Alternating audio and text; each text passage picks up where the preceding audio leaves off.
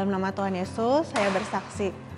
Eh, jadi masa kecil saya itu eh, bukan masa kecil yang menyenangkan. Jadi waktu kecil saya sering melihat kedua orang tua saya itu bertengkar. Eh, Nggak jarang juga lihat kekerasan ya sama mama. Eh, waktu lihat papa dan mama ribut itu, tiba-tiba badan saya tuh mm, menggigil dan seketika itu juga langsung muntah. Eh, saya sangat takut sekali gitu melihat mereka bertengkar. Kejadian itu sering banget saya lihat. Saya punya cici juga ternyata punya pengalaman yang sama. Dia juga merasa sangat takut melihat orang tua bertengkar. Umuran SMP ya, SMP itu udah mulai-mulai remaja gitu ya, remaja-remaja gitu. Saya udah mulai eh, ya kenakalan anak remaja gitu. Saya teman-teman bilang kenapa sih kok lu di bawah nurut sih sama Cici. Cici lu bilang nggak boleh main, lu nggak main gitu. Terus cukup dipengaruhi kan. Eh, jadi boleh ya ngelawan sedikit gitu ya. Pulang telat-telat dikit ya nggak apa-apa lah. Kita kan maksudnya masih eh, usia main gitu, jadi boleh main. Terus suatu hari tuh saya pernah ke ulang tahun teman di restoran. Jadi kan saya tinggal di rumah nenek. Nenek saya di jalan besar, di seberang jalan besar itu ada sebuah restoran baru. Saya diundang ke ulang tahunnya teman. Nah itu pulangnya jam 7 malam. Setelah pulang jam 7 malam itu, wah begitu saya pulang saya langsung kena semprot sama cici saya. Aduh cici saya galak banget. Eh, saat itu kesel ya, waktu zaman zamannya nulis diary itu, saya eh, tulis di, di diary, eh kesel banget deh sama cici. Eh, itu sering banget tuh saya nulis diary kesel sama cici karena cici tuh bawel banget. Kayak misalnya eh, nilai ulangan saya je- jelek, di bawah 8 aja, aduh dia udah marah-marah tuh, nggak bisa, harus harus eh, harus punya nilai yang baik, jangan bikin malu orang tua, jangan bikin malu saya. Dia nggak perhatian sih sama saya, tapi dia memberikan eh, apa ya, dia tuh ngasih tahu gitu, kalau misalnya kamu tuh nggak ada orang tua, tapi kamu jangan bikin malu, kamu harus tetap jadi anak yang baik, kamu harus tetap jadi anak yang berprestasi. Saat itu sih saya eh, kesel ya, yaitu makanya karena ser- sering nulis diary itu. Dan satu hari tuh ternyata dia tuh bukan nggak perhatian, ternyata dia tuh bacain diary saya.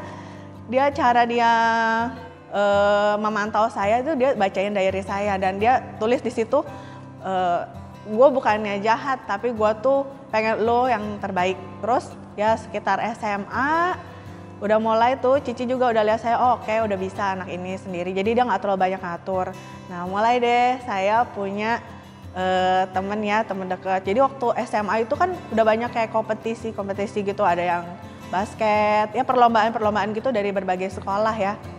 Nah udah banyak tuh teman-teman. Saya banyak banget gaulnya.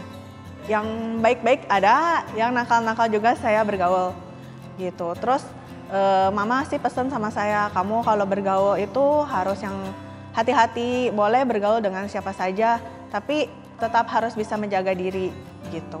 Saya banyak teman dari luar sekolah akhirnya saya punya satu teman dekat. Teman dekat itu saya waktu itu kan tinggal di kota Sukabumi. Nah teman dekat saya ini tinggal di sekolah di Bogor. Kami eh, punya hubungan yang baik. Ya kontak-kontakan saat itu hanya via SMS akhirnya kita kuliah di Bandung. Nah di Bandung saya ngekos dia ngekos walaupun kita tinggal satu kota tapi kita nggak terlalu sering bertemu ya. Nah kalau hari Sabtu saya pengen tuh ngajakin dia hari Jumat dan Sabtu. Jadi saya ajakin dia ke gereja tuh. Nah setiap pulang dari gereja kita tuh jadinya berdebat kenapa begini? Kenapa begitu? Dia eh, terus dia bilang kebanyakannya nggak begini kok. Eh, orang banyak di dunia aja eh, tidak melakukan ini gitu. Kenapa kalian yang sedikit melakukan ini? gitu? Itu sering terjadi. Begitu pulang dari gereja pasti eh, jatuhnya berdebat gitu. Terus suatu hari kita kan sudah lama ya, sekitar beberapa tahun lah. Saya juga sudah hampir lulus kuliah. Eh, lalu saya ada dorongan ingin dibaptis di Gereja Yesus Sejati. Karena saya sudah dari kecil di Gereja Yesus Sejati sejak umur TK lah kira-kira. Sejak itu saya mulai daftar untuk katekisasi. Saya ajak tuh dia ikutan katekisasi. Ayo yuk kita katekisasi di Gereja Yesus Sejati. Terus dia bilang, oh oke, kata dia gitu oke. Eh tapi e, kamu mau nggak kalau misalnya nanti suatu saat nih kita menikah, e, mau ya kamu ikut saya temanin mama ke suatu tempat e, untuk sembayang. Jadi kalau misalnya kita menikah itu kita harus melakukan satu ritual gitu, sembayang atau ke leluhur seperti itu ya. Terus saya bilang, wah nggak bisa dong, saya nggak seperti itu. Terus dia bilang, gak apa-apa, kamu pura-pura aja, kamu ikut aja. Ya kita menghargai orang tua, biar orang tuanya senang. Maksudnya kamu jangan terlalu fanatik, dia bilang gitu. Terus saya bilang, aduh saya benar-benar nggak bisa loh melakukan ini. Nanti uh, Tuhan saya marah gitu. Dia bilang, makanya kamu jangan dibaptis dulu. Kita lakukan ini dulu gitu sampai selesai, baru deh nanti kita dibaptis bareng gitu. Terus dia, saya bilang, oh nggak bisa. Mau belum dibaptis atau udah dibaptis juga saya nggak mau gitu. Dia bilang kenapa? Kalau begitu kamu tidak menghormati orang tua saya. Saya bilang saya bukan tidak menghormati orang tua kamu. Tapi saya takut bikin Tuhan saya kecewa kalau saya berpura-pura berbohong gitu nggak apa walaupun itu cuma pura-pura tapi eh, pasti Tuhan tuh melihat gitu saya tuh pura-pura berbohong saya pura-pura menutupi jati diri saya sebagai orang Kristen hanya untuk uh, menyenangkan orang tua kamu. Tapi bukan berarti saya tuh tidak menghormati orang tua kamu gitu. Terus akhirnya te, saya tetap melanjutkan katekisasi. Dia dia masih uh, mau tuh ke gereja, mau anterin saya katekisasi, mau tuh diajakin ke dibaptis. Namun masih dengan prinsip dia gitu. Kalau kita tuh walaupun Kristen nggak boleh fanatik. Jadi sambil itu tuh sambil berjalan uh, dia bilang nggak bisa kita harus tetap nurut sama orang tua gitu karena ini permintaan orang tua di mana kita harus menghormati orang tua nah dari situ kita uh, langsung bicara serius kalau kalau begini terus saya nggak bisa gitu nanti kalau kita menikah pun nanti kita punya uh, apa ya dasar yang berbeda itu jadinya kita bakalan nggak sama jalannya tuh akhirnya ya sudah dia kecewa, saya juga cukup ya patah hati ya. Patah hati yang dirasakannya ya kalau misalnya kan kita udah lama banget tuh dari SMA sampai saya awal kerja uh, adalah suatu penghiburan gitu buat saya. Aduh saya saya saat itu menang gitu. Saya nggak menjual iman saya, saya nggak nuker iman saya buat uh, cinta kepada manusia ini gitu. Terus selang berapa lama kemudian, berapa tahun lah ya, saya kenal satu orang pria. Pria ini 8 tahun di atas saya. Orang ini dewasa, sangat dewasa. Orangnya tegas, orangnya sopan, sudah mapan. E, kalau dibanding ganteng, gantengan yang lama ya, ganteng. Yang lama tuh ganteng banget. Terus yang yang yang ini nih, yang umur yang lebih tinggi dari saya 8 tahun. Orang ini dewasa banget uh, orangnya baik, tanggung jawab, uh, sama orang tua baik. Dan mama saya setuju. Mama saya sangat setuju banget. Nah, suatu hari orang ini setelah kita menjalin hubungan sekitar satu tahun lah ya, satu tahun, pulang dari gereja, saya dijemput sama dia. Pulang dari gereja dijemput, terus kita ke satu restoran buat makan malam. Nah, di restoran itu dia kasih saya sebuah kalung. Dia bilang, kamu mau menikah nggak dengan saya? Saya menjalani hubungan ini serius sama kamu. Kamu mau nggak menikah dengan saya? Terus saya jawab, wah saya ketawa, waduh saya seneng, aduh wah ternyata kamu mau nikah sama saya, aduh saya mau deh, saya bilang saya mau. Tapi kok saya ada yang ganjel ya, saya bingung. Tapi saya eh, nggak uh, bisa ngungkapin itu saat itu ya. Saya cuma bilang, saya mau nikah sama kamu tapi kita ke gereja Yesus Sejati yuk gitu. Terus dia bilang, saya kan sudah berjemaat di gereja lain, kita sama-sama Kristen gitu. Terus apa yang kamu khawatirkan lagi gitu? Saya bilang, saya pengen satu gereja, saya pengen satu baptisan, saya pengen satu Tuhan. Loh Tuhan kita sama loh Tuhan Yesus, dia bilang. Dia gak menganggap itu terlalu serius, jadi dia jalan dianggap saya menerima lamaran dia untuk menikah dengan dia dan dia langsung cari jalan cepet tuh. Yuk kita cari rumah, yuk kita bikin usaha. Tapi dia bilang sebelum kita usaha kita harus menikah dulu biar lebih gampang. Maksudnya uh, lebih dekat jadi nggak ada batasan gitu ya. Kalau nikah jadi waktunya juga ngatur segala sesuatu gampang gitu. Terus saya kan lapor sama orang tua ya uh, sama mama. Mama uh, ini ngajakin nikah. Oh iya bagus gitu. Udah ini mama setuju.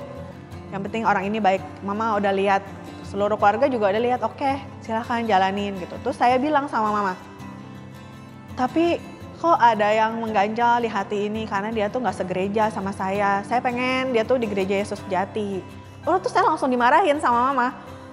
Kamu ini ya terlalu fanatik kamu jangan terlalu pilih-pilih. Ini umur udah ini udah udah udah cukup udah cukup gede gitu. Maksudnya udah pas lah untuk kamu menikah. Jangan milih-milih lagi. Terus uh, jangan fanatik dia tuh sudah Kristen mama bilang gitu. Tapi saya bilang nggak bisa saya pengen tetap di gereja Yesus Jati. Waktu dulu saya minta izin mama untuk dibaptis. Mama jawab kalau suami nggak di gereja Yesus Jati nanti kamu bakalan pindah lagi ke gereja lain. Tapi saat itu saya bilang nggak mami saya akan tetap di gereja Yesus Jati dan saya akan mencari suami di gereja Yesus Jati. Itu waktu itu saya bilang dan saya ingetin sama mama itu. Terus mama bilang nggak usah fanatik pokoknya nggak usah fanatik. Udah ini orang udah tepat banget buat kamu gitu. Terus eh, berjalannya waktu orang ini nanya lagi yuk kapan kita mau ayo kita bicara lebih serius lagi? Ini rumah maunya di sini kan? Terus e, nanti kita menikah nanti di sini ya mau pakai catering yang mana? Terus aduh saya tuh makin deg-degan. Satu sisi ya seneng juga gitu ya satu sisi seneng. Aduh saya tuh mendapatkan sesosok calon suami itu yang benar-benar idaman saya gitu. Namun sampai pada batasnya juga dia selalu jawab, e, ayo kita mulai ini. Saat saya diajak diskusi, saya tuh kelihatan, mungkin saya kelihatan gitu, kayak nggak serius gitu. Terus sampai dia bilang, kamu kok tampak tidak serius. Ayo kita menikah dan kita jalankan eh, rencana-rencana kita ini. Sekali lagi saya ungkapkan, aduh saya tuh mau banget, saya tuh sudah 99% yakin sama kamu. Berdasarkan pengalaman kecil saya gitu, saya pengen punya keluarga itu yang utuh, keluarga yang gak banyak ribut. Maksudnya kita tuh satu satu dasar yang sama gitu. Saya ungkapkan lagi, saya nggak bisa. Dia marah, dia marah. E, kamu ini nggak serius katanya gitu. Kenapa harus ngomongnya gereja, gereja mulu, gereja mulu. Kalau gitu kamu nikah aja sama pendeta. Saya mau bukan pendeta dia bilang gitu. Saya, tapi saya saya waktu itu cuma nunduk aja gitu. Saya bener-bener saya nangis waktu itu saya nunduk. Ehm, saya pengen kamu satu Tuhan sama saya. Dia bilang saya kita sudah satu Tuhan. Kita sudah satu Tuhan gitu. Apalagi yang kamu cari? Ya saya ungkapkan pokoknya saya pengen di gereja Yesus Jati. Kita harus menikah di gereja Yesus Jati dan kamu harus menjadi jemaat gereja Yesus Jati gitu. Akhirnya dia cari-cari informasi tentang gereja Yesus Jati. Dia cari di internet tuh dasar kepercayaan gereja Yesus Jati. Dia jelasin sama saya, oh gereja kamu tuh bagus loh, gereja kamu tuh bagus. Kayak zaman para rasul gitu kan. Gereja sekarang juga bagus. Gereja kamu itu sekarang tuh sudah diperbaharui dengan gereja-gereja yang lain. Jadi gereja yang sekarang tuh lebih modern lah gitu. Ini saya kenalkan kan sama pendeta, tuh saya ajak dia ke gereja. Namun setiap saya ajak ke gereja itu dia menolak. Dia bilang nggak ada waktu untuk jemput kamu pulang dari ibadah aja kan selalu mepet dia bilang gitu. Jadi nggak ada waktu apalagi hari Sabtu dia belum pulang kantor. Nah itu saya bingung tuh. Saya bingung gimana supaya dia mau ke gereja. Sampai saya berdoa, Tuhan uh, ini tuh setelah sekian puluh tahun gitu saya sudah dewasa saya tuh menemukan orang yang tepat menurut saya, orang yang terbaik gitu menurut saya. Tuhan tolong, e, saya maksa sama Tuhan, Tuhan tolong jadikan dia e, pasangan hidup saya gitu, ini jadikan jodoh saya. Tapi waktu saya berdoa, Tuhan tuh kayak ngasih tahu, kamu tuh sudah tahu jodoh dari Tuhan itu seperti apa, harusnya di bagaimana gitu. Tapi sepanjang tahun itu ya saya tetap berdoa mohon inilah jodoh saya karena saya melihat dari sudut pandang saya ini tuh udah baik banget, udah perfect banget gitu. Boleh nggak apa akhirnya tuh goyah juga. Boleh nggak ya? Nanti aja saya menikah dulu nih. Boleh nggak ya? Nanti setelah menikah saya ajak dia ke gereja gitu. Akhirnya saya bukan konsultasi, saya kan cerita sama teman-teman di gereja Bandung tuh ya. Nah teman-teman tuh bilang, nggak boleh, kamu harus tetap berjuang buat hubungan kamu ini. Kamu harus tetap sebelum menikah ajak itu orang orang ke gereja, dibaptis dulu di gereja Yesus Jati. Ada satu teman yang bilang gini, Sar, uh, Tuhan tuh nggak suka loh kalau kita uh, menikah atau berpasangan dengan orang yang bukan anak Tuhan gitu. Dia kasih kejadian 6 deh. Uh, dia bilang di situ kan ditulis ada kejahat, kejahatan manusia, ada anak-anak manusia yang menikah, eh anak-anak Tuhan menikah dengan anak-anak manusia gitu. Uh, dari situ saya uh, kayak diingetin gitu ya. Berarti gak boleh harus di gereja Yesus Jati dulu, baru kita bisa menikah gitu. Akhirnya saya ungkapkan lagi sama dia dan dia tetap gak bisa terima. Uh, apa pun yang saya ungkapkan dia tidak bisa terima, dia tetap jalankan Eh, rencana-rencana kita yang sudah dibentuk. Terus akhirnya, nah saya mulai bimbang, itu bimbang banget. Akhirnya saya berdoa cukup lama. Uh, suatu hari waktu saya bekerja siang hari gitu ya, tiba-tiba dia telepon. Saya juga kaget kok dia telepon di jam kerja. Dia bilang sorry saya mengganggu karena saya tidak sanggup untuk bicara langsung. Dia bilang gitu. Hati saya hancur, tapi saya harus ungkapkan ini dia bilang, kalau kamu masih belum yakin, walaupun satu persen saja, saya akan melepaskan kamu. Pasti visi kita juga nggak sama dan menurut kamu kepercayaan kamu itu jauh lebih penting kan daripada saya, dia bilang gitu. Saya lepaskan kamu. Gitu, itu siang-siang. Saya uh, saat itu saya langsung kan di kantor ya, jadi saya langsung masuk WC. Aduh saya nangis gitu, aduh Tuhan aduh ini orang yang saya anggap perfect gitu ya. Sedih banget sedih banget kehilangan. Aduh saya, nanti saya pikir apakah saya bisa mendapatkan orang yang sebaik ini gitu. Tapi ya, satu sisi ada kelembagaan banget di hati saya. Saya tidak mengorbankan iman saya eh, dan saya percaya Tuhan tuh pasti ngasih yang paling terbaik untuk saya gitu. Eh, satu hari kan saya datang ibadah tuh ibadah umum hari Rabu di Bandung itu ada ibadah hari Rabu malam. Tiba-tiba tuh lagi ibadah atau belum mulai ibadah ya saya lupa. Ada seorang istri pendeta. Dia ngasihin secari kertas. Sari, ini ada nomor telepon, ini jema, ini nomor telepon jemaat Sabah. Itu loh yang beberapa bulan lalu pernah datang. Kamu kontak ya, siapa tahu aja bisa jadi deket, bisa ya lumayan lah dia bilang gitu ya untuk berteman. Oke, saya ambil, saya selipin di dalam Alkitab saya waktu itu. Berjalannya waktu, ternyata tuh banyak juga dari beberapa orang yang ngomong, eh Sar, itu loh jemaah Sabah e, nanyain kamu gitu.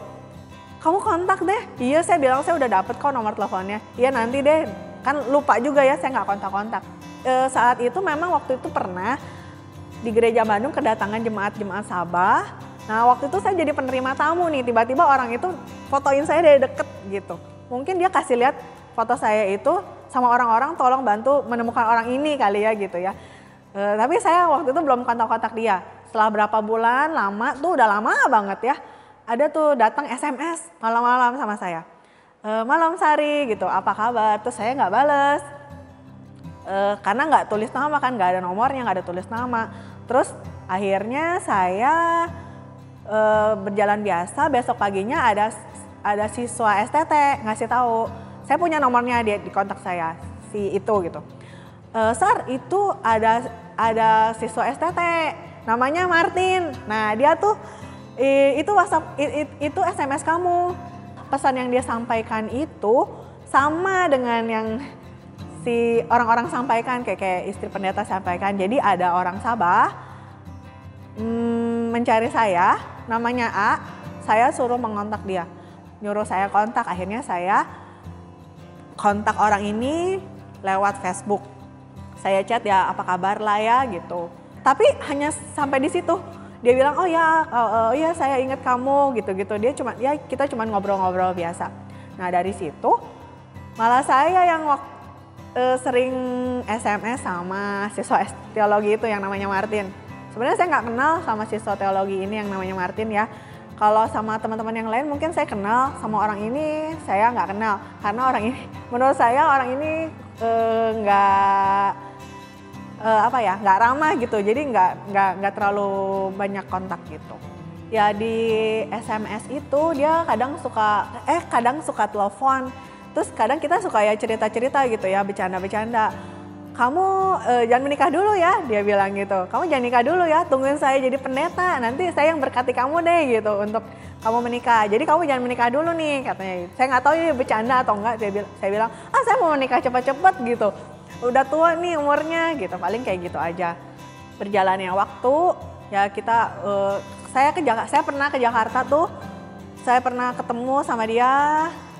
Maksudnya sih saya mengenal uh, ada ada tujuan mengenalkan dia dengan kakak saya juga gitu dengan cici saya. Tapi bukan cici saya yang dekat dengan dia tapi saya yang dekat sama dia. Suatu hari saya di saya masih kerja di Bandung dia sudah dia di Jakarta dia ada telepon saya. Uh, dia ungkapin perasaannya dia bilang uh, saya suka sama kamu saya tertarik gitu. Ya udah cuman gitu aja. Dia cuman ngungkapin itu terus saya juga ya udah cuman jawab oh iya terima kasih gitu. Saya cuman ketawa lah ya saya terima kasih. Oke okay. terus dia bilang e, tapi ya SMS itu berlanjut. Dia bilang dia nggak nanya sih apa jawaban saya? gitu. Tapi ini mengganggu pikiran saya banget gitu. Kenapa orang ini e, nyatain ya? Terus kalau saya tolak e, gimana ya? Terus kalau saya terima waduh berarti saya harus siap-siap jadi istri pendeta kan? Jadi itu ganggu pikiran saya dan saya berdoa. Uh, saya berdoa Tuhan gimana ada ini uh, orang yang satu iman dengan saya tapi seorang pendeta. Saya saya bilang sama Tuhan Tuhan saya nggak mampu jadi istri seorang pendeta gitu. Akhirnya saya juga nggak punya, maksudnya nggak pernah kan, maksudnya jalan bareng gitu nggak pernah lah ya. Jadi cuman via SMS dan telepon. Nah suatu hari dia sudah jadi penginjil dia sudah jadi penginjil lalu dia ditugaskan dan ternyata ditugaskannya dia ke gereja Bandung. Nah loh saya makin takut, loh kok makin deket ya gitu. Padahal kan di Jakarta kita nggak pernah bertemu loh, kok makin deket gitu. Akhirnya dia di Bandung, jadi kita bisa bertemu kayak misalnya mm, di Bandung ini kan waktunya juga dia nggak terlalu banyak ya, dia pelayanan, saya juga bekerja, paling ketemu saat uh, ke gereja. Kalau saya ke gereja saya ketemu gitu. Iya jadi dia tuh kayak ngasih tahu gitu perasaan dia. Dia nggak ungkapin lewat ya gue suka lo, gue sayang sama lo gitu enggak. Tapi dia ungkapin lewat ya perhatian dia kayak gitu. Kayak ngasih makan sarapan, makan siang, kayak gitu. Terus uh, akhirnya tuh ini kan sangat mengganggu saya sih sebenarnya ya. Dari pengungkapkan perasaan dia pertama itu, di saya kan nggak pernah jawab dan dia juga nggak pernah ungkapkan lagi gitu. Tapi dia tuh kayak kayak udah pede aja ngejalanin. Pokoknya ya ini ini loh saya saya sudah di Bandung loh gitu. Uh, saya berdoa sama Tuhan gitu ya. Saya doa sama Tuhan aduh Tuhan kok ada orang yang satu iman nih sama saya tapi kok pendeta ya? gitu. Satu sisi ini satu Tuhan satu baptisan satu iman tapi kok pendeta ya Tuhan ya maksudnya saya nawar gitu kenapa harus pendeta? Kalau saya nerima dia berarti saya harus siap untuk mendampingi dia kan gitu. Untuk jadi istri pendeta. Nah itu saya doa, Tuhan boleh nggak saya nolak? Tapi kalau saya terima, saya bisa nggak jadi istri pendeta?